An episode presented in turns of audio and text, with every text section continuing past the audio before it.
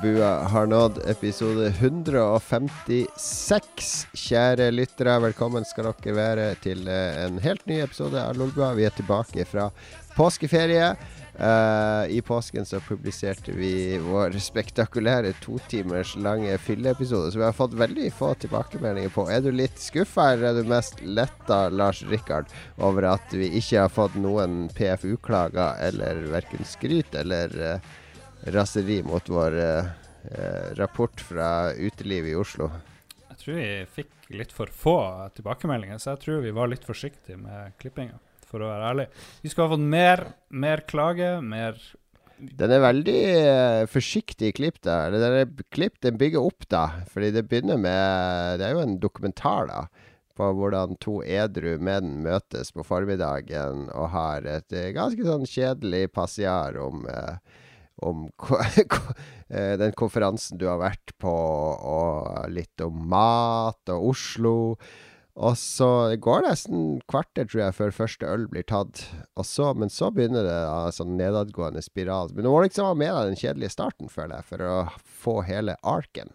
Mm, det er interessant. Jeg, jeg, klarte ikke å høre mer enn halvveis, for da begynte jeg å rope hele tida. Sånn Som vanlig ja, du hørte Ja, da Bjarte dukka opp, da var du i god form. ja, jeg ble plutselig veldig stille når Bjarte, duk, Bjarte dukka opp på der eh, tacoplassen. For jeg skjønte Da, da innså jeg hvor full jeg var, og så bare glemte jeg det kort tid etterpå. ja, det var Men det var Jeg brukte jo enormt mye tid på å klippe denne episoden òg, må jeg jo si. Fordi jo, mm. vi satt jo med sånn seks-syv timer lydopptak fra den dagen. Og så må man jo høre igjennom òg, for det kan jo være at uh, man begynner å henge ut ekskjærester med navn eller et eller annet når man begynner å bli varm i trøya. Vi vil jo helst ikke ha en reell PFU-klage på oss. ja, jo. Men jeg lurer på om man må være medlem av sånn her Norsk redaktørforening eller et eller annet. Jeg tror vi, er, vi lever utfor. Vi er på the dark, dark web når det gjelder presseetikk, muligens. Er vi blo bloggosfæren, der vi kan skrive hva vi vil? Mm. Eller gjør, si hva vi vil. Ja da. Her er det bare å henge ut ekser og utro samboere i øst og vest. Stoler på det. Du er eksperten. Vi har eh, bytta ut uh, vår, uh, vårt korteste medlem med, med, et annet kort ekstra. Jeg lurer på Hvem er høyest av vår, vår, gjest i dag? Mats og Magnus. Hvor høy er du, Mats? Jeg er vel 1,69, så jeg er sikkert lavere enn Magnus. Ja, jeg, jeg, tipper Magnus vil påstå han er 1,70, da, bare for å toppe. Men uh, det er dette må vi finne ut av, om mm. Mats ja. eller Magnus. Vi får ha en height off. Ja. Mats må bli med på den der uh, live-tingen vi skal ha seinere. Uh, live-tingen? Ja, hvor vi skal måle høyden til Mats og Magnus, og hvem som har mest hår av uh, meg og deg, Jon.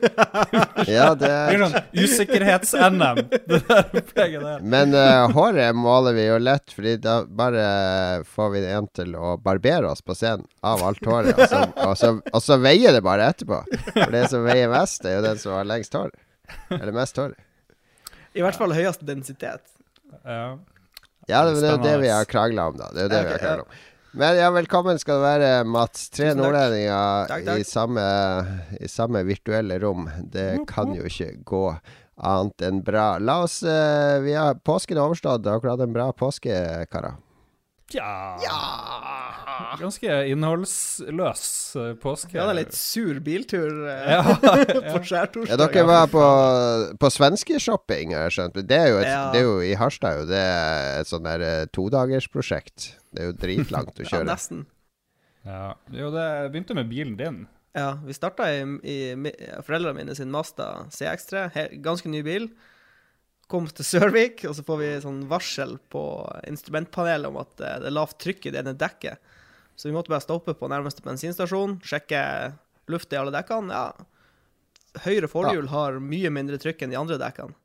Og så ruller jeg bare bilen forsiktig frem, og så Ja, det er en svær spiker, eller skrue var det, i det ene dekket, så Oi. Det, det, var første hint om at vi burde egentlig ikke legge ut på tur ja, denne dagen. Det var et tegn fra oven. Og vi trossa selvfølgelig det. Ja, og ja. vi bytta bil. Så vi uh, fikk en ny bil, kjørte, til, kjørte mot grensa. Det gikk egentlig ganske fint, helt til vi kom til rett. Supervær. Ja, veldig fint vær. Men rett ja. etter vi kjørte over riksgrensen, når vi kom til Ja, til bokstavelig talt riksgrensen, så uh, var veien stengt. Mm. Ja. ja. Superklarvær, blå himmel, sol, men Men det var visstnok snøfokk oppå ja, Litt typisk. framme. Vi skulle ut til Kiruna. Det er en sånn solid 200 km Ja. eh, tur. Men vi endte opp på riksgrensen. Først måtte vi liksom rygge og jukke oss inn i køa for å komme ut, for det var jo sånn masse biler som Ja, sto ja, der. ja, ja. Og så var det selvfølgelig stor kø ved den Ikaren like ved grensa, hvor det har aldri sett så mye folk på er en- butikk sånn- på-. På Riksgrensen er det en sånn liten Ica-butikk som du kan handle på. Ja. Den er, Mm. den er ikke stor på noen som helst måte, og der var det sikkert 900 mennesker. så når du kom inn i butikken, så starta køa til kassen og gikk langs hele ytterveggen til butikken. Det var, det var som første dagen etter zombieutbruddet, når alle skal dra og handle. Ja. Men du kan jo mulig spare noe særlig på å kjøre fra Harstad og Nei, til det er ikke- det er ikke for å det er mest for å kjøpe ting- kjøpe litt brus og godteri. Nei da, det det er for å kjøpe ting de ikke har i norske butikker. Så vi Ja, som for eksempel til kinaputter og, og porno. Ja. Ja, og sånn øl, øl som de ikke har i Norge, og sånne ting. Ja, sånn smakøl på, på tre- 3,5 er det ikke det? De har Nei, nei, vi skulle, sånn vi, skulle, vi skulle kjøpe ekte øl. Vi skulle til Kiruna, Altså, til Systembolaget. system... Ja, nettopp. Ja. Mm. Mm. Men det ble ingenting av det. Det ble bare drit hele dagen. Det ble 100% drit. ja. Så, ja, så- ja. God historie. God historie. og så ble det masse folk drept. Og eh, ja, men det snakker vi ikke om. Men uh, det interessante her er jo at uh, sist du satt deg i en bil med Mats i Texas, så ble dere nesten drept. Og nå så bryter bilene ned. Er det ikke sant, det er nå, Lars, at ikke kjør bil med Mats? Fordi det skjer jo noe hver gang. Ja, Skjer fæle ting, rett og slett. det, jeg tror vi har mista han, Jon. Ja. Det, Eller så prøver han seg på stillbilde. ja, han prøver seg på stillbildet igjen. igjen. Det er typisk. Typisk. Where is John? Du må fortelle noe morsomt, Mats. eh, mens En anekdote? Fortell om uh, da du ble kjønnsmoden. Hvorfor er det en morsom anekdote? Kan ikke du fortelle om når du ble kjønnsmoden? Jeg kan da vel, men jeg gir, jeg gir deg the limelight. Litt sånn Hvor nært har du noen gang vært å drepe noen? Det må jo ha vært når vi var i Texas og kjørte bil. Ja. Det tror jeg har. Ja. Da vi holdt på Myrde hele, hele Formel 1-gjengen. Hallo? Det kan hende jeg har vært nærmere uten å vite det. Nei, Jeg Det er noe ustabilt med nettet på den maskinen. Ja. Velkommen tilbake. Velkommen tilbake. Du gikk glipp av noen sykt gode historier. Mm. For å høre på podkasten. Ja, jeg bare klyper meg inn her sånn ah, OK, ja. Det må jeg si. Oi, oi, oi. All right. Hva gjorde du i påsken, Jon? Nei, eh, ja, nei ja, ja, men jeg, det, den øya er nå én ting, og den bilturen Det ble ikke noe Ingen som fikk seg Ikke noe dameeventyr, ikke noe romanse i påsken, ikke noe Nei. Vi begynte å snakke om Mats eh, da han ble kjønnsmoden mens du var borte. ja, OK. Ja. Men det, jeg kan ikke gjenta det. Det, jeg trenger ikke å høre det heller, føler jeg. Så nei, min påske foregikk på det glade Vestland, på Halsenøy. Rett ved Sunnhordland folkehøgskole. De har en veldig flott spillinje ved siden av Stord. Rett eh, Det er vel i samme Kvinnherad kommune. Det er vel der han der eh, Lotepus kommer vel fra Odda. Oh shit. Oi, oi, oi. Verdens mest plagsomme fyr. Eller Ja, jeg- jeg vet ikke. Nei, det har ikke jeg heller bare sett navnet hans overalt, så han må jo gjøre inntrykk på folk. Men uh, alle snakker jo sånn som han der borte. Det er den derre breiale uh, Asbjørn Slettemark-vestlendingen. Så det var veldig alltid hyggelig å være på, på Sunnhordland i, i påsken. eh, eller på Halsnøy, da. Jeg var med hele familien. Det var jo regn. Regn hver dag. Men som vanlig så deltok vi jo i den uh, påskequizen som de har på Halsnøy. Det er jo sånn 2500 Mm. innbyggere der, og alle samler seg jo rundt den tradisjonelle påskequizen på Pub 13, som er på Samfunnshuset til Halsnøy. Der har vi, det stilte vi jo lag. Vi er jo Oslo Oslo-gjengen som kommer og blir eh, litt sånn eh, uglesett når vi tramper inn i lokalet der blant alle halsnøyværingene. Og, og skal Mm. liksom komme og, og vise de hvem som kan mest. Um, Ah. Nå kommer Ja, ja, ja, ja, og skal vise må jo seg det, fram. fordi jeg vet jo at alle dere på bygda hater jo Oslo. Uh, Mats hater Oslo så mye at han flykta hals over hodet herifra. Oslo er det verste Lars. som fins. Uh, jeg vet du, eh, alle, alle dere på bygda hater Oslo. Alt. Så, det, så vi, vi, vi bader i det hatet. Vi soler oss i, i hatet fra alle dere bygdefolk. Vi er så misunnelige på leddbussene. Ja, ikke minst. Ikke minst. Men ja, vi hadde lag. Vi fire stykk. Altså, problemet med denne quizen er For det første er den jo evig lang. Det er jo fem runder. Som varer sånn her 40 minutter hver. Så, okay. så, så du, du er jo ganske, ganske brisen på slutten av, av quizen. Uh, og så er jeg altså jeg er veldig glad i sånne lokale spørsmål. Altså Hvilken eh, fjelltopp i, i Kvinnherad er den høgste? Og, så, og sånne ting. Og hvor er eh, påskeøya? Og ja, det er en påskeøy. En påsketopp på en øy utenfor Halsnøy. Eh, eh, som vi ikke kan. Så vi stiller veldig svakt der. Men vi scora veldig høyt på, på mye annet, så vi, vi endte jo opp med å komme på en tredjeplass av 25 lag. Oi. Så vi var veldig fornøyd med Godkjent, det.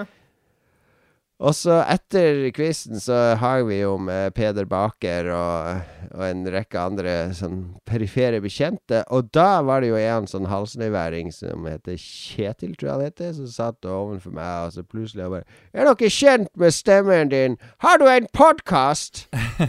og så bare «Øh, ja, ja. Altså, han hadde hørt på Lolbua, da. Han, ikke, han var ikke sånn fast lytter, han hadde vært innom Lolbua og Red Crew og mye annet, da. Men, øh, men han huska stemmen min. Så jeg la jo ut et lite klipp i vårt entourage med, med vår lytter og, eh, og Peder Bakar, som kom med noen god eh, business advice. Ja, det var liksom fylle, fylleprat, rett og slett. Ja, så, så det ble litt, eh, litt øl den kvelden. Det ble det. Men eh, alt, alltid god stemning. Bra. Så blir det bra stemning når du kommer oppover til Harstad snart. Det blir, det blir spennende. Ja, nå er det to uker eh, og counting. Jeg har jo ordna Lars eh, sa jo opprinnelig i fylla her at han skulle være barnevakt to kvelder, da.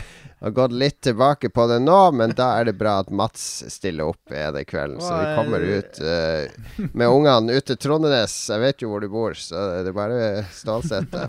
Jeg syns det var dårlig timing på både din ankomst og Jan Fredrik sin, for jeg drar til Stavanger 2. mai, og så drar jeg offshore 3. mai.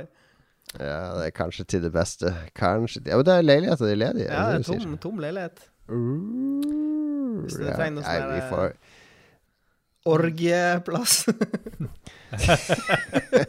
Det blir det blir første seksuelle samværet som har vært i den leiligheta. Det kan Hey! Swingersklubben. Nå glemmer du kan- at det har vært noen snekkere der, Jon Cato. Ja, det kan jo være, men da var det ikke offisielt ferdig. Jeg kan godt innvie leiligheta for deg hvis du vil det, Mats. Jeg kan gjøre det for en billig penge. For en billig penge? Hva er det slags ritual? deg for at Jeg syns det var en dårlig deal. Det er gamle Lorentzen-ritualet. Alle i familien må, må hente inn noen for å ha sex der så fort som mulig. Oh. Jeg vet En leilighet er jo hjemsøkt inntil noen har hatt sex der. Så kommer det til å være eh, Du, kommer, du blir gradvis eh, Heller du over i en sånn ufyselig legning som nekrofili eller pedofili eller noe sånt. Så du må skynde deg å få noen til å ha sex der. All right.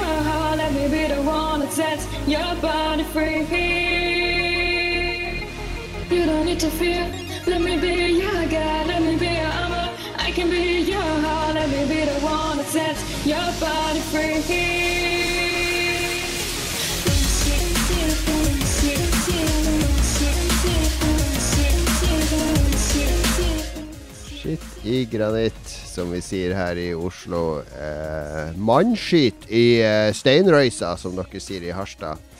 Hvordan eh, st Hvor er sendeskjemaet? Jeg glemte å se på. Jeg kjenner at nettet Hører dere meg? Ja, ja. Ja. Du er loud and clear. Nettet i Oslo er litt overbelasta for tida. Vi skal snakke om hva vi har uh, spilt i det siste, som jeg må si nå når vi er bare nordlendinger. Mm. Mats, du har sikkert spilt noe sånn der eh, idiotisk eh, PC-multiplayer-greier som bare sånn hardcore PC-gamere med early access-spillet. Spot on. Nok et Early Access-spill. Jeg okay. spilte et, et spill med det originale navnet Player Unknowns Battlegrounds. Hva, for en teit tittel. Ja, det stemmer. Det er en utrolig teit tittel. Hva Eh, er spiller tittelen på? Veit Vet du ikke hvem de andre spillerne er, eller hva? Ja, det, er en, det er en fyr som har handlet det, Player Known, da, som har lagd eh, Han har lagd bat en Battle Royale-mod til eh, Arma 3. Og for de som er ukjent med Battle Royale, så er det en spilltype hvor du har ganske mange spillere som er på et stort kart. Eh, og så er det mer eller mindre free for all. Det er som filmen Battle Royale. Uh, du må finne utstyret ditt sjøl, og så må du drepe alle du ser. Og så er det en som står igjen til slutt som vinneren. Ser veldig kult ut, det. Ja, det er utrolig morsomt. Vi har, jeg har sikkert spilt 130 timer på tre uker eller noe sånt. Så jeg vil si det. Er, ja, nå skjønner jeg hvorfor den leiligheta di ikke er innvia. Så det, Ok, men det, det, det er, men det er sånn uh, Daisy og sånn var jo også sånn Arma-mod. Det, det er bare sånn survival Blir du drept, blir du da kasta ut av øya? Skal det være én igjen? Er det det som er Nei, målet? altså, det, det, som er, det som er litt bra med dette spillet, i motsetning til Days og, og de, er at du har, her har du klare mål, og matchene varer ikke så lenge. Du, du signer opp til en match, og du kan enten velge om du har lyst til å spille solo. Da er det 100 spillere, og så er det alle mot alle. Eller så kan du spille duo. Da, det, da har du en annen på laget ditt, og så er det to mot to. Mot, så er det da 50 teams hvor du har to spillere på hvert team. Eller så kan du spille squad. Da kan du spille tre eller fire, og så er det 25 teams, da. Eh, og da Alle sitter i ett fly i starten. Flyet flyr over ei øy som er ca. 7 ganger 8 km. Og på den øya så har du masse små byer og hus og politistasjoner sykehus. Og du starter med ingenting. Det eneste du har, er en fallskjerm som gjør at du ikke dør idet du treffer bakken. Og så må du bare finne, finne en bil, finne noe utstyr og prøve å overleve. Og så core gameplay-elementet er da for å tvinge, for å tvinge fram action, så dukker det opp en sånn boble, en sånn hvit sirkel, som er en sånn safe zone. Og utenfor den safe zone så er det et elektrisk felt som gjør at du tar skade hvis du utenfor sirkelen, så du må være inni den hvite sirkelen. Og den blir mindre og mindre jo lenger ge- gamet varer. da. Så til slutt så har du bare en liten sirkel som er ti ganger ti meter, og da vil du ha såpass få spillere igjen at de vil drepe hverandre. da. Og så til slutt så står det igjen enten en spiller da, eller et team, hvis du spiller duo eller squad. Og så er det Matchen varer kanskje et kvarter til, til, til en halvtime, liksom. Så det er sånn fin lengde på matchene. Ser jævlig intenst ut. er Ja. Det ikke det du sa? Ja, og jo lenger du overlever, jo lenger du kommer endgame, da, hvor det kanskje er bare du mot ett annet team eller to andre teams, så blir det jo bare mer og mer intenst. Og på, helt på slutten, hvis det kanskje er en én-mot-én-situasjon, så er det jo absurd eh, spennende. Så eh, ja. Men er, det er sånn at man blir eliminert underveis, da? Ja, det er det som er litt kjedelig. Hvis du spiller, la, oss, la oss si du spiller squad, så spiller du med tre andre. Det som kanskje er at du dør helt i starten.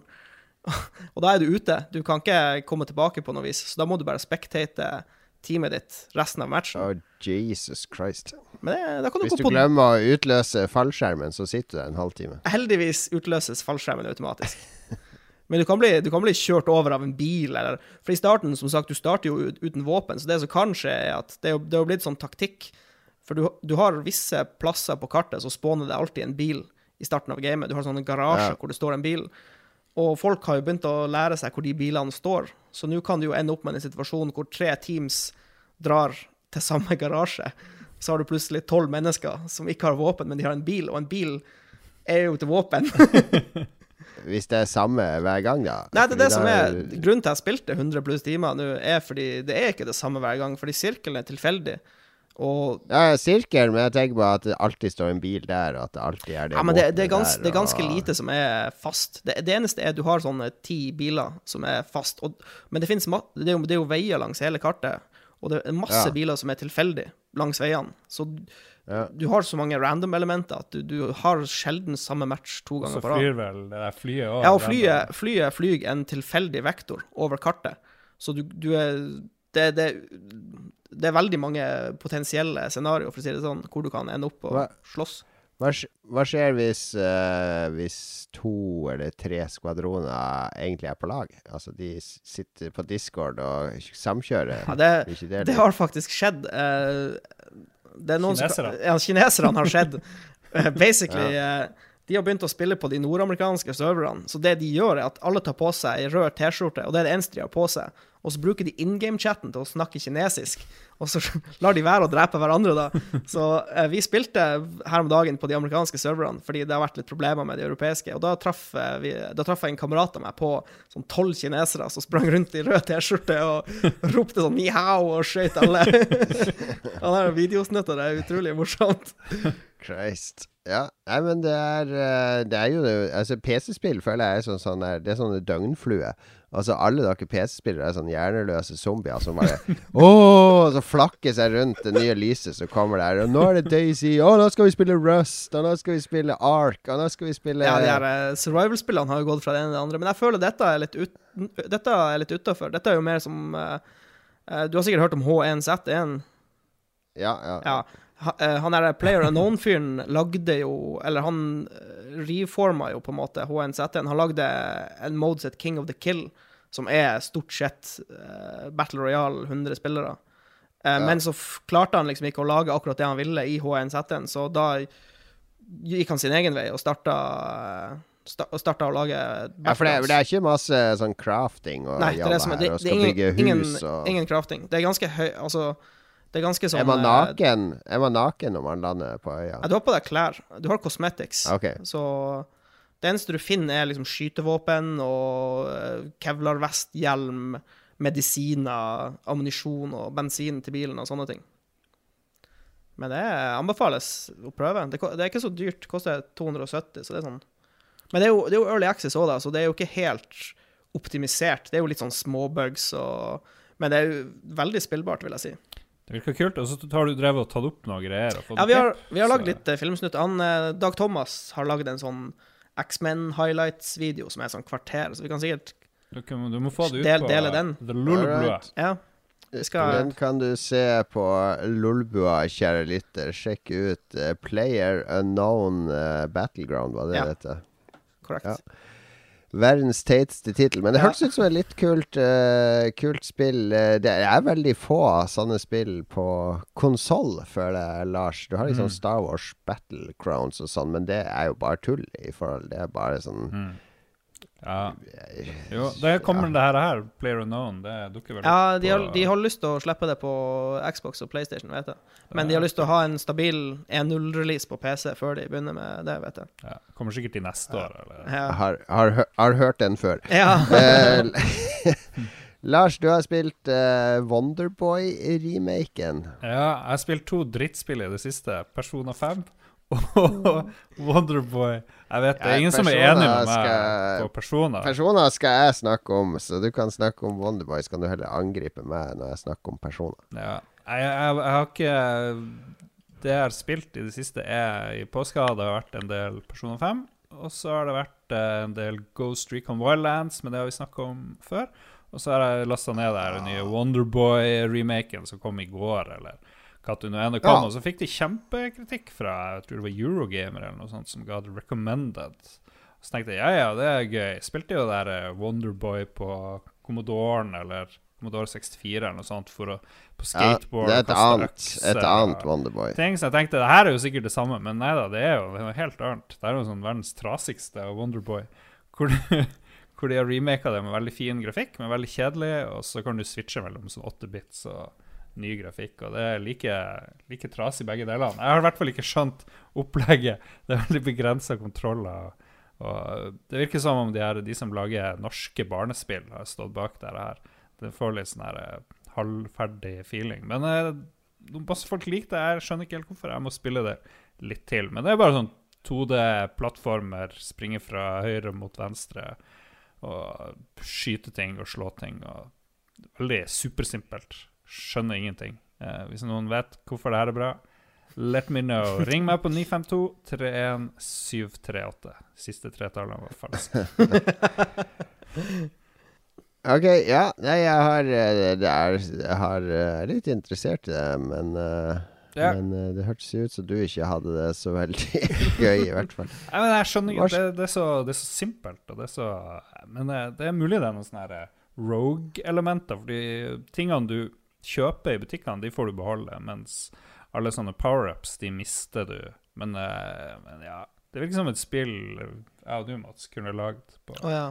på uendelig mye tid, og en sånn gamemaker-greie. Det er så dårlig. det er litt sånn der Ja, jeg vil si det. Hvis noen lyttere er veldig uenig i Lars sin dom For Lars er veldig sånn Han har enten terningkast eh, 10 000 eller terningkast 0. Det er veldig sjelden en sånn midt imellom. Det kan være terningkast 3, et av tidenes beste spill, eh, som han også slår til med innimellom. Men, eh, men gjerne klag eh, hvis du syns Lars er helt på jordet eller har misforstått noe. Mm. Det har han åpenbart gjort med Persona 5, for det driver jeg og spiller nå, og det hater jo du, Lars.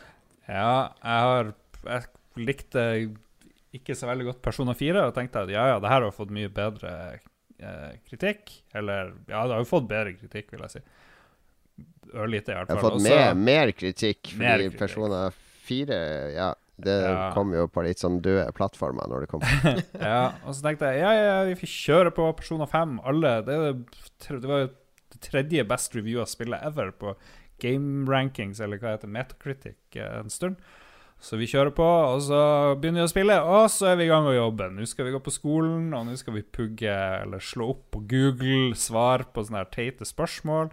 Nei, det er juks. Og så skal vi drive og jobbe. Vi må ha en sidejobb. Vi må jobbe i butikk. Og så må vi gå og kjøpe utstyr, og vi må Og det tar så lang tid. Teenage-simulator. Det er en sånn livssimulator. Og så får du lov å gå i noen sånne her dungeon som er altfor vanskelig for, uh, for meg, i hvert fall. Sånn, I hvert fall delvis. Det er ganske tøft den første dungeon, det sier mange. Det er ikke bare jeg som sier det. Og så går du ut derfra, for du har ikke flere healing potions, og du har brukt opp alle manaen din. Og så må du ut igjen, og så må du drive og flørte med noen jenter, og du må liksom eh, krangle med han der husverten din. Og, nei, det går for tregt. Det er for lite action for meg. Det er ikke Det, det følger ikke de amerikanske reglene om, om awesome. Og det er for lite Trump-aktig, spør du meg, det spillet. Ja. Nei, altså, Lars er jo helt på jordet her, selvfølgelig. Det er jo, det er jo en blanding av visual novel og uh, livsimulator og Sims og noen helt fantastisk ba godt balansert kampsystem. Eh, med masse stein, saks, papir-elementer og taktikkeri, der du kan få fienden ned på kne for å snakke med de, og så videre. Og så er det sånn her Ja, så du må snakke med fiendene og få dem. Du, det er som Pokémon, plutselig. Og så må du liksom prate med de, og så kanskje vil de være med deg, kanskje ikke. Og så skal du begynne å pare de her eh, personene du plukker opp, og så må Ja, du drive og slå ja. på nettet igjen og finne ut Ja, hva skal jeg gjøre nå? Ja, men du trenger ikke gjøre noe som helst, fordi hele greia med personer er at du kan ikke gjøre noe feil. Altså Det eneste du kan gjøre, er at du ikke når den her deadline, klarer dungeon innen fristen går ut. Men det er ikke Jeg, Jeg vet ikke. Jeg syns ikke den første dungeonen er veldig vanskelig, altså. Ja, ok, den er jo van de, de sier har brukt bare to dager på dungeon. Jeg bare hæ? Hvordan skal jeg klare det? liksom? For da har du masse tid til å drive og sjekke opp damer og jobbe og gjøre alle de kjedelige tingene. Det er jo derfor jeg føler jeg må stresse meg gjennom det. Du trenger ikke det, da, fordi du gjør det i ditt tempo. Du klarer det uansett, hvis du bare jobber deg gjennom dungeon, ikke sant. Det. Men jeg har sett flere som har problemer med det spillet med at de ikke kan gjøre alt. Altså at du Du står der etter timen i klasserommet, og så er det after school, og da har du én aktivitet. Så du kan gå på kino, du kan dra på badehuset, du kan dra på batting range, du kan henge med han han Krio, eller hva han heter. Eh, Du kan henge med ho. Du kan uh, gå på jobb. Du kan lage kaffe. Og så bare «Øh, Men jeg vil gjøre alt det. Så nei, du kan ikke gjøre alt det. Hvorfor kan kan ikke jeg få gjøre alt? Det er jo å begrense meg Ja, men det her kan du, hva kan du gjøre i kveld, da, etter du er ferdig med podkasten? Kan du lese bok, se film, se TV-serie, ligge med Mats, gjøre alle de tingene? Eller må du velge en av de tingene? Det er bare ett valg der, det er ikke noe vanskelig. Ja. Nei, men, men det er jo Det er jo, eh, det er jo Livet går videre, er jo liksom temaet i personer. Men ingen valg er feil, da. Altså, du velger jo bare din egen sti oppi det her. Og det er mye mer rollespill enn f.eks. Final Fantasy, føler jeg det. Der du har et område og så bare Ja, nå skal jeg bare gå over hver kvadratmeter på det området her og ta alle kister og alt som skjer.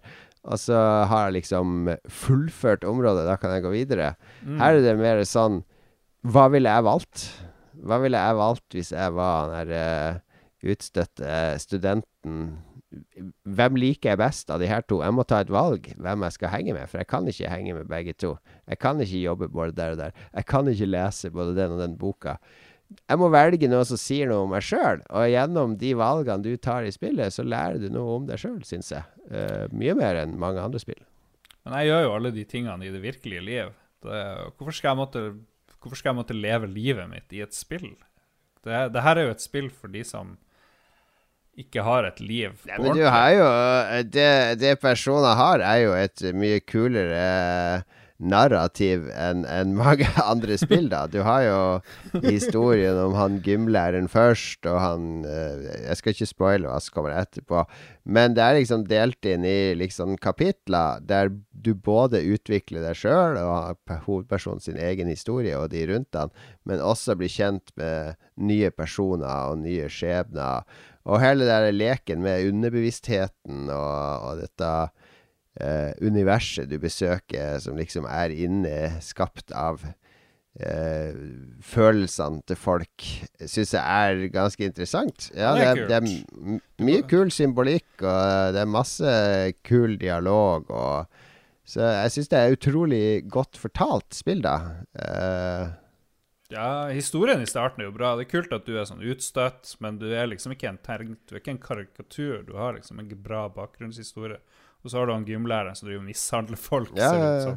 Og så må du inn i underbevisstheten hans, som er veldig morsomt tegna og sånn. Men jeg, jeg får jo aldri tid til å være der inne i den der jævla underbevisstheten før jeg må Ja, ut inni der har du jo all verdens liksom, tid. Det er jo bare å komme seg Finne ett eller to save room, og så kan man gå ut og gjøre noe annet. Men jeg stresser ikke med at jeg går glipp av mye.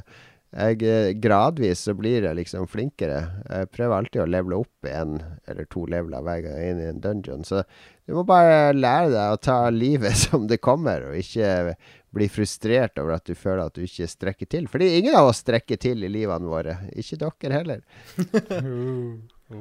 Dro drop knowledge. Men, men det er uh, Altså, som en sa på Twitter i dag uh, eh, Jeg trodde jeg hata japanske rollespill, men uh, fant ut at jeg hater bare alle japanske rollespill som ikke er personer. Uh, fordi det er noe helt annet enn tradisjonell japansk rollespill-smørje, og det er Jeg syns det er helt fantastisk. Jeg, jeg storkoser meg, både meg og vår sjef Gusta. Så Lars, skjerp deg gå tilbake og spill Wonderboy, eller kjøp den derre Ducktales-pakka som vel kommer nå denne uka fra Disney. Så får du nå Wonderboy skal jeg i hvert fall ikke spille. Det var 160 kroner rett i dass, det der. Flush. Spill Mortal Kombat, du.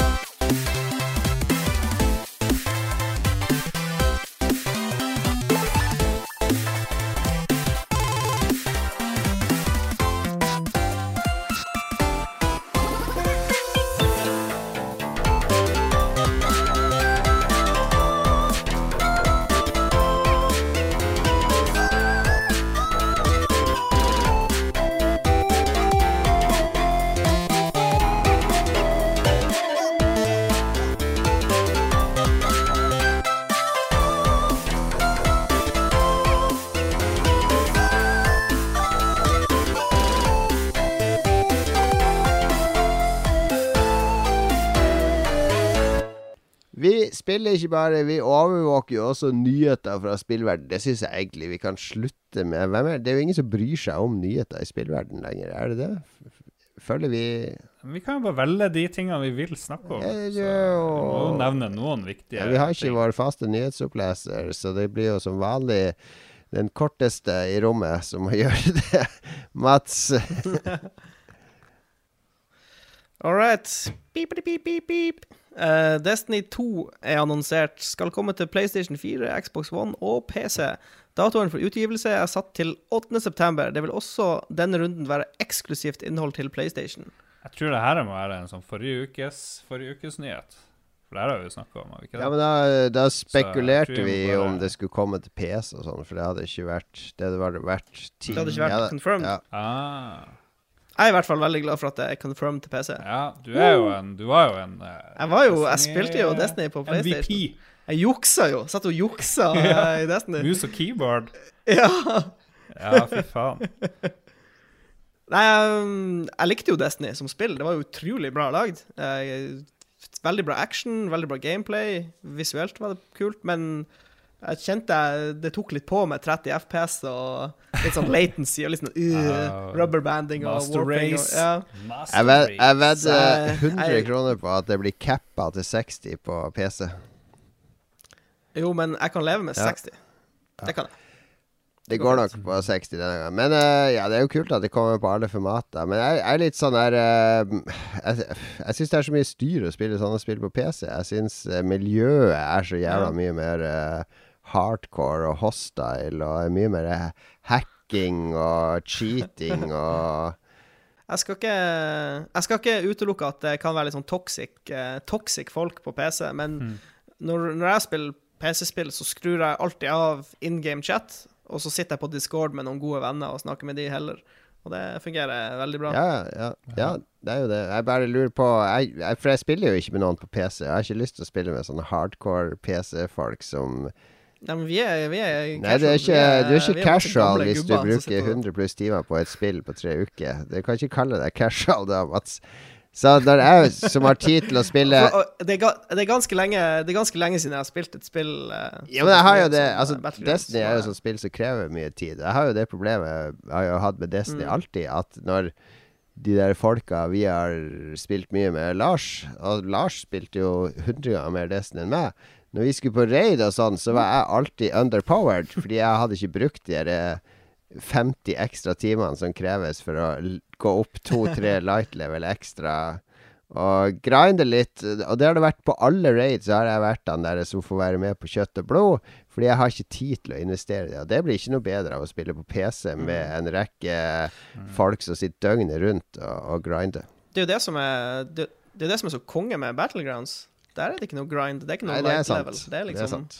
Du er den der nakne fyren som hopper ut flyet. Så sånn sett, så det var Det kommer jeg ikke til å Det savner jeg ikke med Destiny. All den grinding og sånn.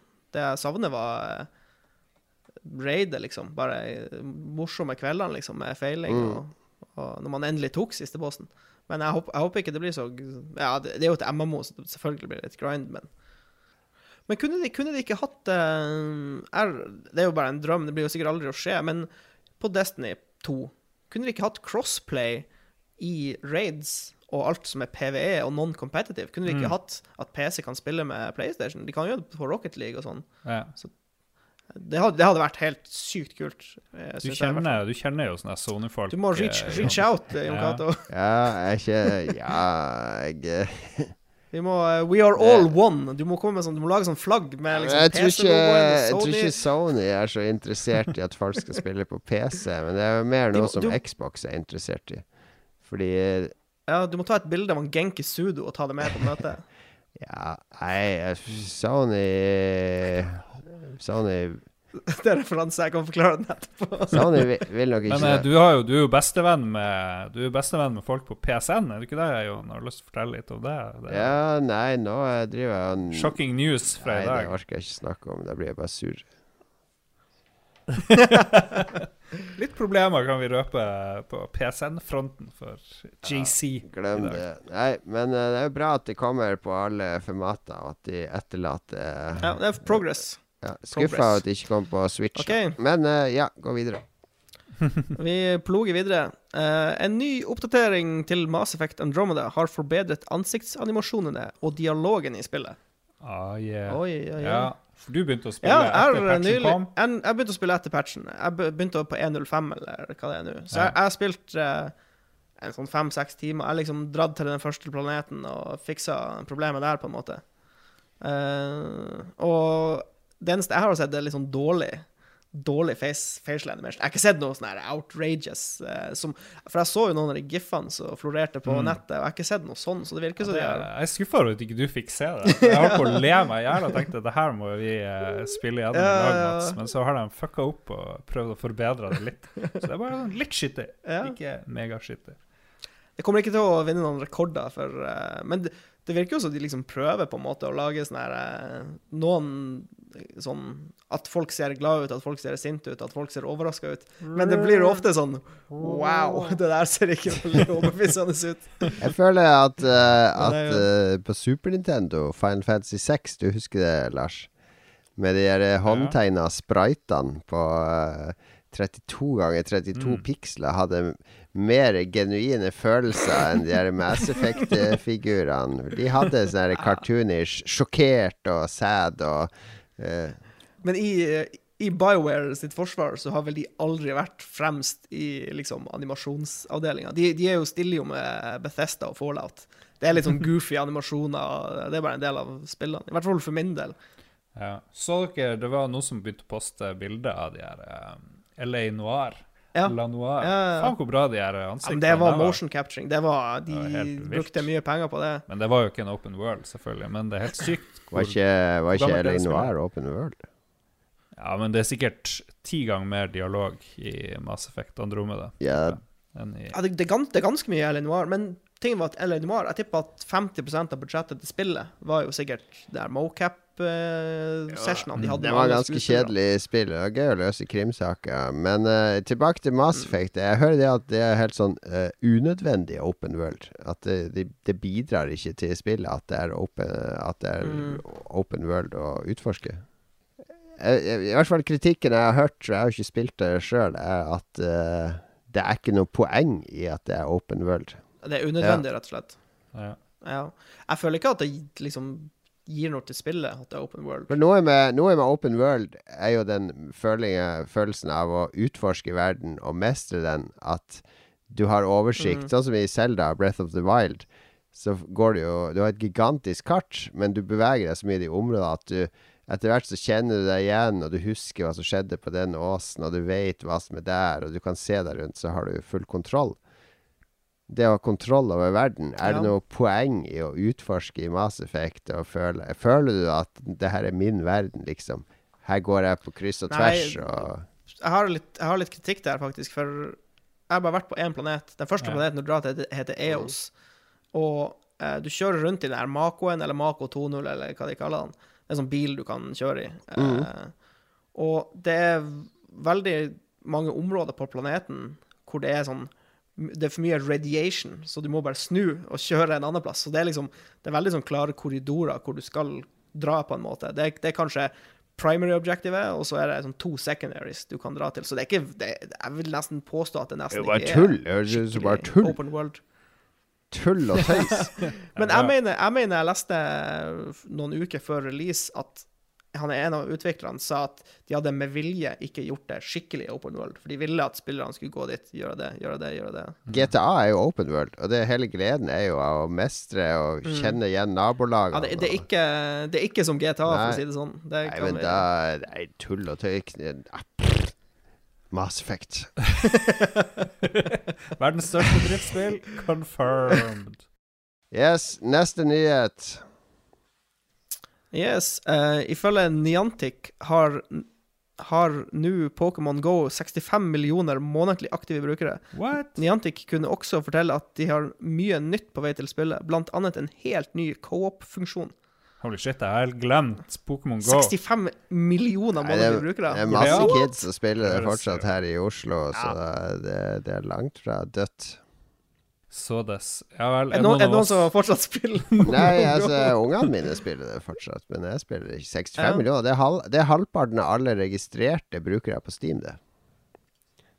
Ja, det er Ja. ganske imponerende. For å si det sånn eh, Player Unknown Battlegrounds var kjempefornøyd med 100 000 eh, Men det var concurrent users, da. Eh, Jeg vet ikke hvor mange månedlige de har, men ja. Jeg nekter å tro at det er 65 millioner. Det må være 65 månedlige Ja, men herregud, det bor jo, det er jo en milliard, eh, to milliarder mennesker i verden som har smarttelefon. Ja, én milliard kanskje. Så 65 millioner er ikke så mye, da. Men ja, Ja. eh, siste nyhet. Apropos eh, Ja. Men før vi tar siste nyhet, apropos eh, Nintendo, så var det jo noe news nå om at det kommer en SNES Mini, akkurat som det kom en NES Mini i fjor. Men har ikke de, har ikke de discontinua produksjonen av jo, NES? jo, Ja. Minien? Nå er det snakk om SNES, SNES, eh, Ja. den, den Har dere hatt det med nyhetene, at de har slutta å lage den? Eh, nei, for vi, men vi har hatt at de slutter å lage, og at de fortsetter å Å Oh, ja, de skal fortsette igjen? Ja, men for det, de har snudd hele Å, ja, veien. Det har bare vært kaos. Vi har Det er ingen, ingen som vet hva som skjer med den der eh, Det er Bare det er bare tull. Altså Alle sånne samlere vil jo gjerne at ting skal være sjelden. Så det er de som sitter og sutrer og klager på Facebook nå. Og sånn der, Å, de er idioter som slutter å produsere den, for jeg har ikke kjøpt den ennå. Din egen feil som ikke har kjøpt den ennå. Du har hatt masse tida til å kjøpe Mm. den. Men kult hvis, det, kult hvis det kommer en Super Nintendo. Ja, Super Nintendo er litt mer min, tror jeg. I hvert fall hvis du kan modde den. For det, Ja. jeg, har jo, jeg kjøpte meg jo en NES Mini, og jeg gleder meg til å modde den og Ja. ikke spille den.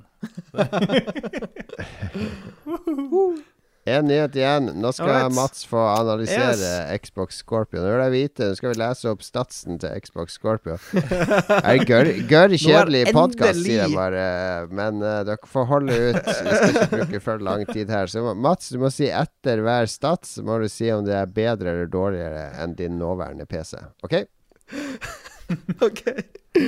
Nå er endelig Xbox Scorpio sine spesifikasjoner lansert. De som har peiling, kan fortelle at den er monster i forhold til PS4 Pro. Og spesifikasjonene er som følger CPU 8 Custom X86 Cores. Uh, jeg har jo òg åtte kjerner på min. Eller jeg har strengt tatt fire kjerner, men så er det hyperthreading, så det blir jo åtte. Men du har bare fire, eh, Mats. Ja, Jeg har bare okay. fire. Jeg har faktisk det- bare halvparten det- av har kjernene. Mats, dårligere. Min, min PC er bare halvparten så bra som nye Xbox Scorpio. You heard it here first. Uh, GPU eh, det er 6 teraflops. Uh, Nå husker jeg ikke i hodet hvor mye 1080 Ti har, men jeg tipper det er sikkert det dobbelte. Så okay, da er er Bedre. det bedre der. Eh, RAM 12 gig, der har jeg ganske mye mer, så det kan vi si bedre. Hvor mye har du? Vi må nå drive Ja. bare dikte opp. Eh, hvor mye RAM er i PC-en min? Ja. Jeg tror jeg har 36. Ti, hva? Det er Oh. ingen som trenger så mye ram. Hvorfor har du så mye ram? Eh, memory bandwidth 326 gigabyte i sekundet. Er det til rammen eller til GPU-en? Det er sikkert til rammen. Jeg vet ikke. Ja. Jeg, jeg, jeg vet ikke hva min memory Det er sikkert bandwidth er. dårligere. Så Det er det- dårligere. Ikke det. Og så har den vapor chamber cooling. Det må jo være til Ja, GPU-en, sikkert. Uh, jeg har da en gammelt, PC som gammelt, smadrer vapor chamber cooling. Elendig. Du har ikke vapor, Mats. Jeg har No ikke vapor. No vaping. Og så har jeg mye større harddisk enn 1 terabyte. Men Det- det eh, kan du- ja. Jeg må si at jeg, når, jeg så, når jeg så eh, specs til Scorpio, så ble jeg faktisk litt imponert, for den er ganske mye heftigere enn PS4 Ja. Pro. Men uh, det har vel ikke kommet noe pris på den. Det er det ikke. Det blir jo 10 000. jo Og så er det hva, hva i all verden skal du gjøre med den? Du kan spille Forza Horizon, Mm. og så kan du Ja, jeg vet ikke. Med HDR, fordi HDR er vel ikke på PC nå, er det det? Uh, nei, ja, jo, det har vel kommet med DirectX 12 og de Ja, siste ja. kortene. Altså ti, ti, ti Men tar, tar monitorene HDR, Jo. da? Ja, okay. Uh, ikke den jeg har nå. Det er sånn G-Sync. Ok, så det er dårligere eh, der òg. Skal vi se. jo, uh... Ingen HDR hos uh, Mats. Jeg har funnet ut at jeg skal ikke kjøpe ny monitor før det kommer OLED-monitor. Ah. Okay. For nå har jeg OLED-TV i stua, og det er så sykt nice Ja, at eh, jeg din var Ja, ja, ja. Og nå sitter, nå sitter jeg jo med sånn IPS-monitor på, på, eh, ja, på eh, kontoret, mm. der jeg har PC-en. Og eh, det er ganske stor forskjell på innsynsvinkel og svartnivå og sånn. Så jeg, jeg, ser ikke ikke er lite viktig med innsynsvinkel på en PC-monitor. Nei, men Man skulle tro at det ikke hadde noe å si, men det har faktisk det. Fordi jeg klarer i hvert fall Jeg sitter aldri 100% i en sånn statisk posisjon. Jeg sitter kanskje Synker kanskje litt ned i stolen, synker litt ned i stolen ute på kvelden og, og Men altså, det største er um, For, mitt, for min del i hvert fall, er vært på IPS. Mm. Når du har svarte ting på skjermen, så får du sånn glow, sånn IPS-glow. Hvor det, det blir ikke svart i det hele tatt. Det er sånn grått med kanskje litt sånn kjipt lys i bakgrunnen. Så jeg kommer, jeg kommer ikke til å kjøpe en ny IPS-monitor, og jeg kommer ikke til å kjøpe en ny TN-monitor. Det blir OLED. OLED baby. Men det er sikkert ikke fra 2018, fordi det koster så mye å lage. Jeg la merke til at du kalte det for eh, kontoret ditt. Ja, Ja. eh, kontor, Definisjonen på kontor er et rom hvor det arbeides eller formidles tjenester. Ja, jeg har en jobb. Jeg har en jobb. Hva, er det du, hva er det du jobber med på kontoret ditt, Mats? Nei, Jeg sender noen jobbmailer. Kanskje én i uka. Fordi det er, Kan ikke du bare kalle det for et lekerommet ditt? Det er der du sitter og leker? Ja, ikke lekerommet. Jo, men jeg kan godt kalle det lekerommet. Fordi det er 99 leking, og så er det 1 eh, en halv prosent eh, jobbmail, og så en halv prosent ja. Men eh, hvis, hvis når du en gang senere i år, for det skal bli i år, får med deg en dame hjem fra, fra Gründer, eller hvor dere nå går ut i Harstad Gammel, ga, Utheim. Får en dame hjem, da kaller du det kontoret ditt. Da sier du ikke at det er lekerommet ditt, for Ja, da, ja. Da, blir, da får du ikke innvia leiligheta. OK? Good point. Med mindre det er sånn Fifty Shades-greie. Litt, eh, da, blir hun først veldig opphissa, så tar hun med inn på kontoret, og så ser hun den svære monitoren og den der vannkjølte PC-en din som blinker i sånne røde farger som, som pulserer på sida. Sånn. Jeg tror ikke hun blir opphissa. jeg, må, jeg, må, jeg, må korrigere, jeg må korrigere det litt. Jeg har det som kalles for en sleeper-PC. Ja, OK. Den har, den, har ingen, den har ingen lys, og den, det er et veldig lite kabinett som ser ut som en ganske pinglete PC, men så er det et beist som gjemmer seg inni. Jeg er stor, stor fan av det. Du liker Beist som gjemmer seg i en liten eske. Her tror jeg Freud kunne hatt en field day hvis vi får han som gjest i podkasten, men uh, vi, vi sier takk og farvel til beistet der, så spiller vi litt musikk før vi skal gå gjennom ukas anbefalinger.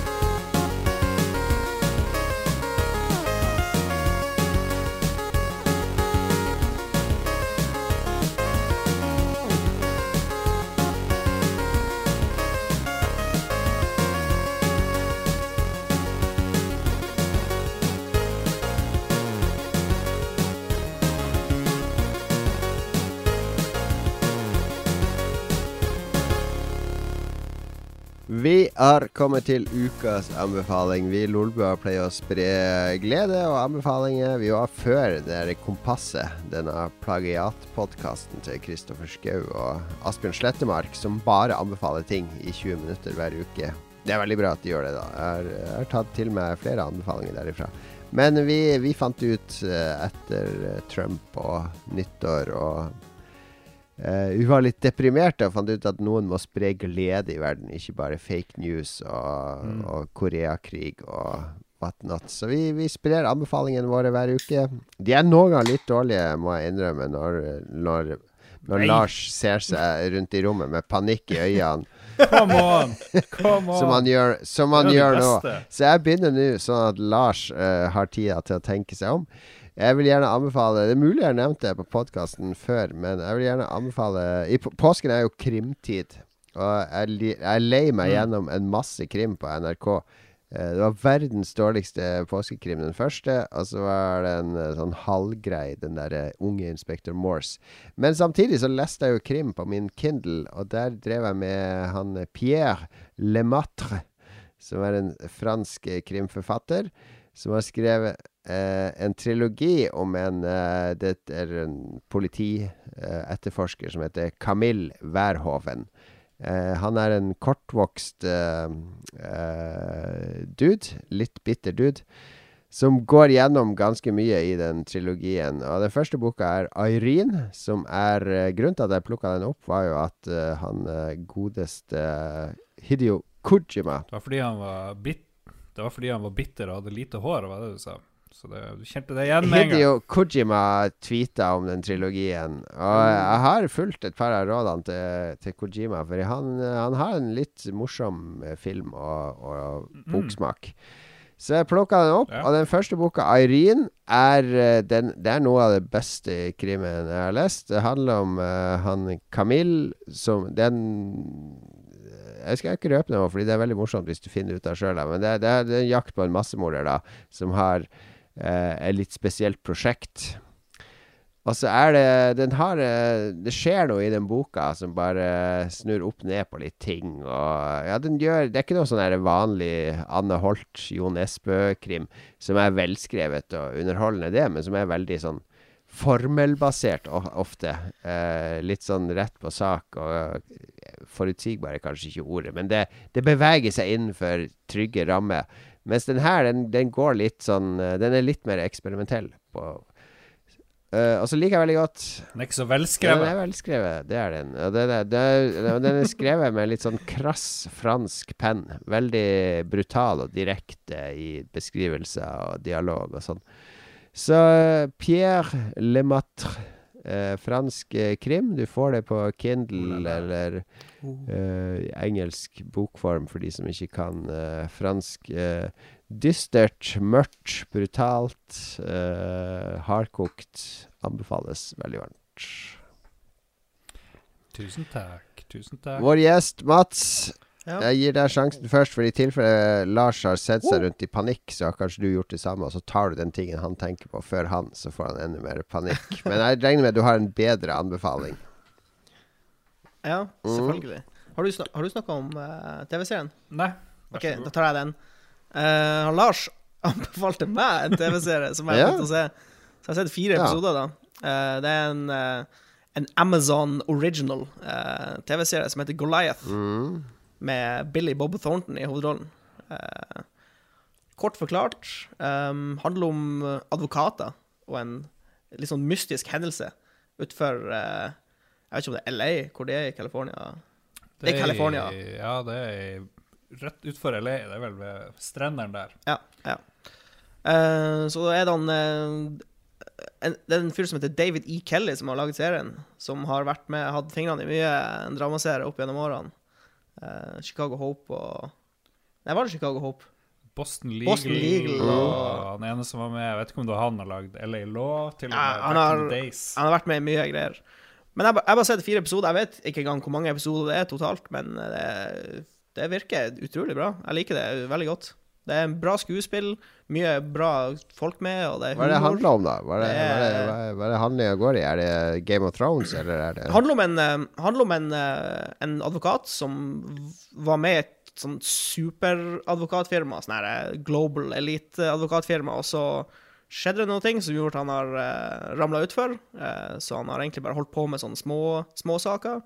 Og så skjer det plutselig en, en svær greie som gjør at han bestemmer seg for å hive seg inn i, i stor, uh, saken igjen. Så det, er liksom, det går, ligger litt i navnet eh, til TV-serien, da. Altså Goliath. David mot Mm. Goliath. You're Men det virker veldig bra. Jeg vil gi det to tomler opp. Right. Tommer opp. Billy Bob Thornton er awesome i den Ja, serien. ja utrolig eh, bra. Billy Bob-serie. Goliath på Amazon Prime. Får man sett sånt i Norge?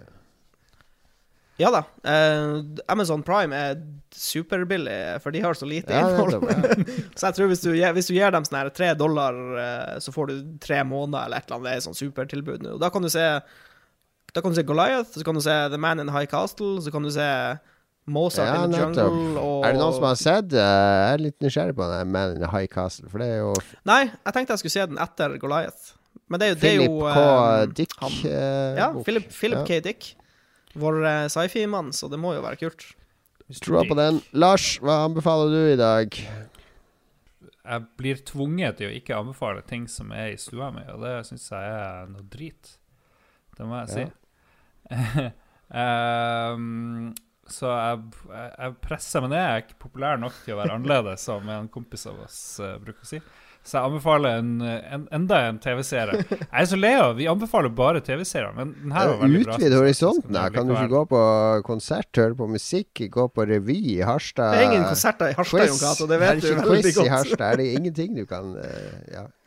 Quiz? Skal jeg begynne å anbefale quiz i Harstad? Eh, det høres ut som en greie for meg.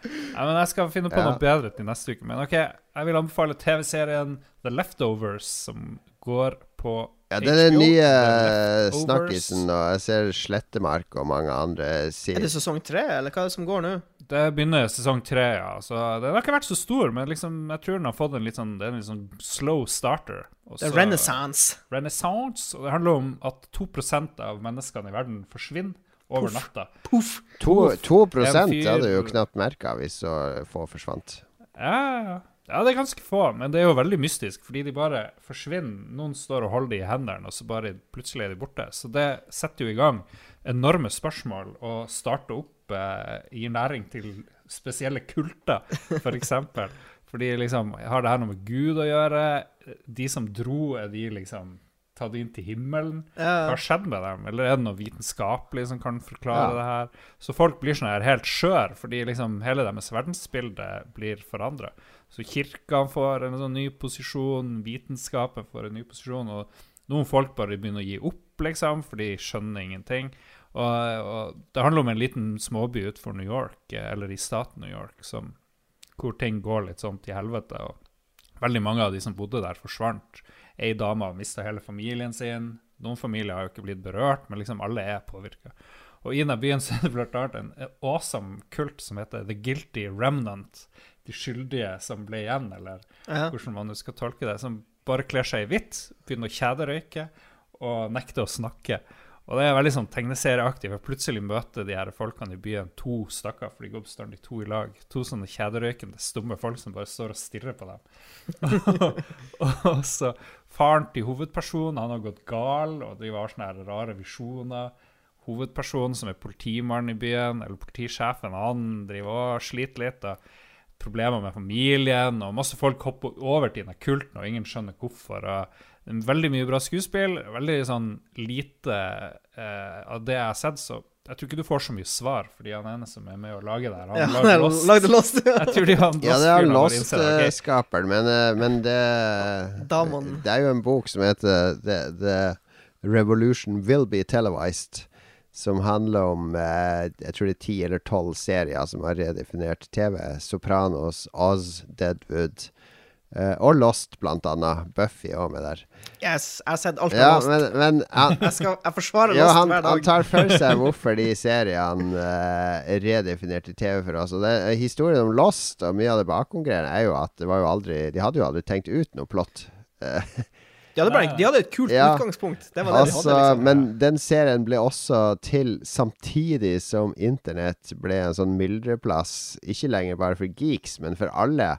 Så at de kom til Når de nærma seg sånn halvveis ut i, ut i eh, hele, hele serien, så var det så mye spekulasjoner i forkant av hver episode at alle Det var en teori for alt, ikke sant? Og det, uansett hva de lagde, Mm. så var det en eller annen teori som traff på det. så mm. Jeg, jeg, um, jeg er medlem på et forum som heter Something Awful. Og når Lost gikk på TV i USA, så hadde de en tråd til hver episode, og det var så utrolig mye bra i de trådene her. Det var liksom nesten mer underholdning fra den diskusjonstråden enn fra ukens episode, liksom. Så det er veldig spesielt. Nei, men det, det Lost er Jeg hata Lost, og jeg elska jo første sesongen, og så falt jeg av i andre, tredje sesongen. Det er sånn elsk-hat. Ja, elsk-hat men jeg liker Jeg tror han skaperen har mer eh, å bidra med også. Det var jo også sånn her JJ Abrams-tull med at han var inne i fem minutter i piloten og sa 'gjør det og det', og så var han ferdig med det, og ja. Vaska Ja, sine. så Ja. Nei, men tenk på, tenk på det her som en vellykka versjon av The OA. Oh, jeg har ikke nevnt det OA her. Fytti grisen. Jeg vet det, er- det er farlig, men den har ingen sånne overtydelige Nei, men den er jo Den tredje sesongen blir jo den Ja. siste, hører jeg. Så det er jo avsluttende. De skal jo konkludere med et eller annet. kult. Ja. Nei, første sesongen har jeg sett ferdig. Utrolig bra. Nice. Er, det Er det, er det mange episoder i en sesong? Det er vel bare sånn ti-ish. Ja, det er bra. Det er bra. Da rekker jeg, rekker jeg å se det- før jul, hvis det bare er 30 episoder. Så eh, takk, takk for anbefalingen. The Leftovers uh, anbefaler Lars. Uh, hva var det din het igjen? Uh, det var Quay, Quay Muscle Swear. Mats sin eh, Goliath. Goliath. Anbefaler. Du skrev det. Goliath anbefaler Mats, og uh, Camille Wærhoven-bøkene til Pierre Lemaitre anbefaler jeg. Begynn med Irene, det er den første. Så kan du gå over til Alex, som er den andre. Det var det. Vi, vi har så få lytterspørsmål denne uka, så jeg tror vi bare kan skippe de, egentlig, og ta de med neste gang. Skal vi skippe? Jeg vet ikke om vi fikk med noe annet. Jeg må bare sjekke kjapt. Det er ikke noe å sjekke. Du, Det, vi må Folk har så vidt kommet tilbake fra påskekoma. er- påskekoma. mm. Der Nei, Kanskje vi bare hopper over uh, Tror vi gjør det. Episoden er lang nok. Jeg tweeta jo en av mine sjeldne tweets her om dagen, så retweeta jo en som gikk gjennom hva alle podkast kunne deles i fire kategorier. Den første var jo 'White dudes going on about something'. Som, som jo er selve definisjonen på, på Lolbua. Ja, veldig. 99 av alle podkaster. Jeg er jo white dude som bare 'going on about something'. uh, det var veldig bra beskrevet. Den fjerde var vel sånn her uh, 20 minutter for langt. Alle podkaster er 20 minutter for lange. Ja, det tror jeg tror vi er der òg. Hot Oh, yes. topic. Hot topic. Men uh, tusen takk for at du fortsetter å høre på oss. Vi har ikke noen konkrete planer for den store jubileumsepisoden. Vi har planer, men vi vet ikke helt når det blir ennå. Vi får snakke mer om det. Mats, veldig hyggelig å ha deg på besøk. Eh, Hyggelig å være her. Er det Åssen er du har Nei, du Åssen kommer deg til Lars? Da går fra Trondenes til Lars? Nei, eh, vi har, jeg har fått plugga dekket på bilen. Så, Så, men, det er Mm. foreldrene dine sin bil, da? Ja, jeg har egentlig arva De har to biler, så jeg har arva den ene, men eh, vi må drive og bytte biler, fordi den ene er veldig liten, og den andre er veldig stor. Så noen ganger trenger de lagringsplassen i den store Du bilen. trenger lagringsplass for det Så egentlig, egentlig har jeg en uh, 2006 Nissan Pathfinder. De driver og kjører lik med den store Pathfinderen innimellom. Eh, Mye arbeid å dumpe Jeg lik. skjønner, du Ja. trenger litt plass når du skal kjøre rundt med det store, tause monsteret som du har skjult nedi buksa di. Jeg forstår. Ok, takk, takk til deg, Mats. Uh, og takk til alle dere som hører på. Det finnes på lolbua.no. Eh, Hvis, du hvis du gikk glipp av fylleepisoden du ga opp fordi det bare ble prat om uh, journalistlaget sitt årsmøte på, på Tommys i Oslo, så gi den en sjanse. Det er en del gull. uh, i siste halvdel, blant annet når vi snakker om Vi får jo besøk av Frank, det er jo mitt høydepunkt i den podkasten, som deler sine teorier om når vi kommer til å merke at en AI har tatt over verden, og om en AI faktisk styrer verden, og så blir det enda dypere enn det når Rune slenger seg med, for da blir det faktisk en reell samtale om vi lever i en simulasjon eller ikke. Er det Elon Musk er Elon eh, Musk. teori? Elon Musk. eh, det, er, det er en del rabbit holes uh, sterkt uh, forsterka av alkoholen i den podkasten, som er en interessant studie. Jeg syns forskere burde høre på den. Alle som forsker på sosiologi og atferd og sånn. Det er gull. Det er gull i den podkasten. Så sjekk ut forrige episode hvis du ga opp i starten, eller ikke hørte den hele, hele, hele, i det hele tatt. Jeg har glemt åssen jeg prater. Jeg sier god natt. Mats sier god natt. Og Lars sier fuck you.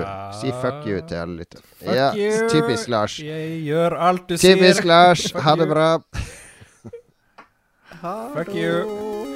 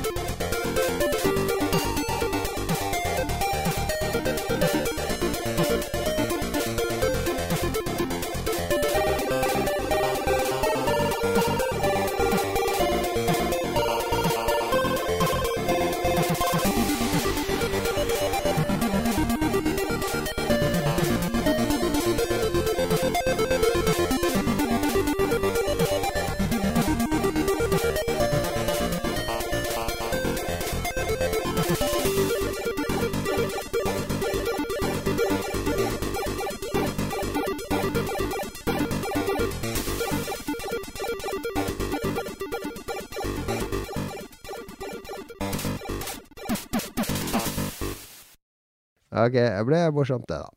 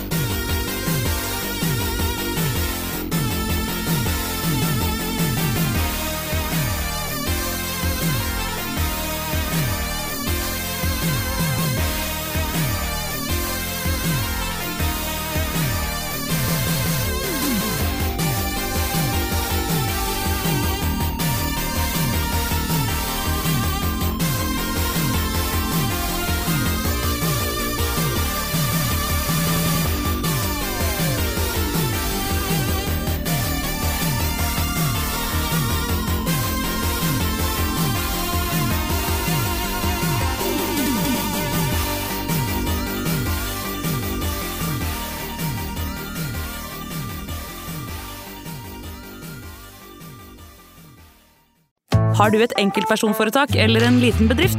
Da er du sikkert lei av å høre meg snakke om hvor enkelt det er med kvitteringer og bilag i fiken, så vi eh, gir oss her, vi. Fordi vi liker enkelt. Fiken superenkelt regnskap.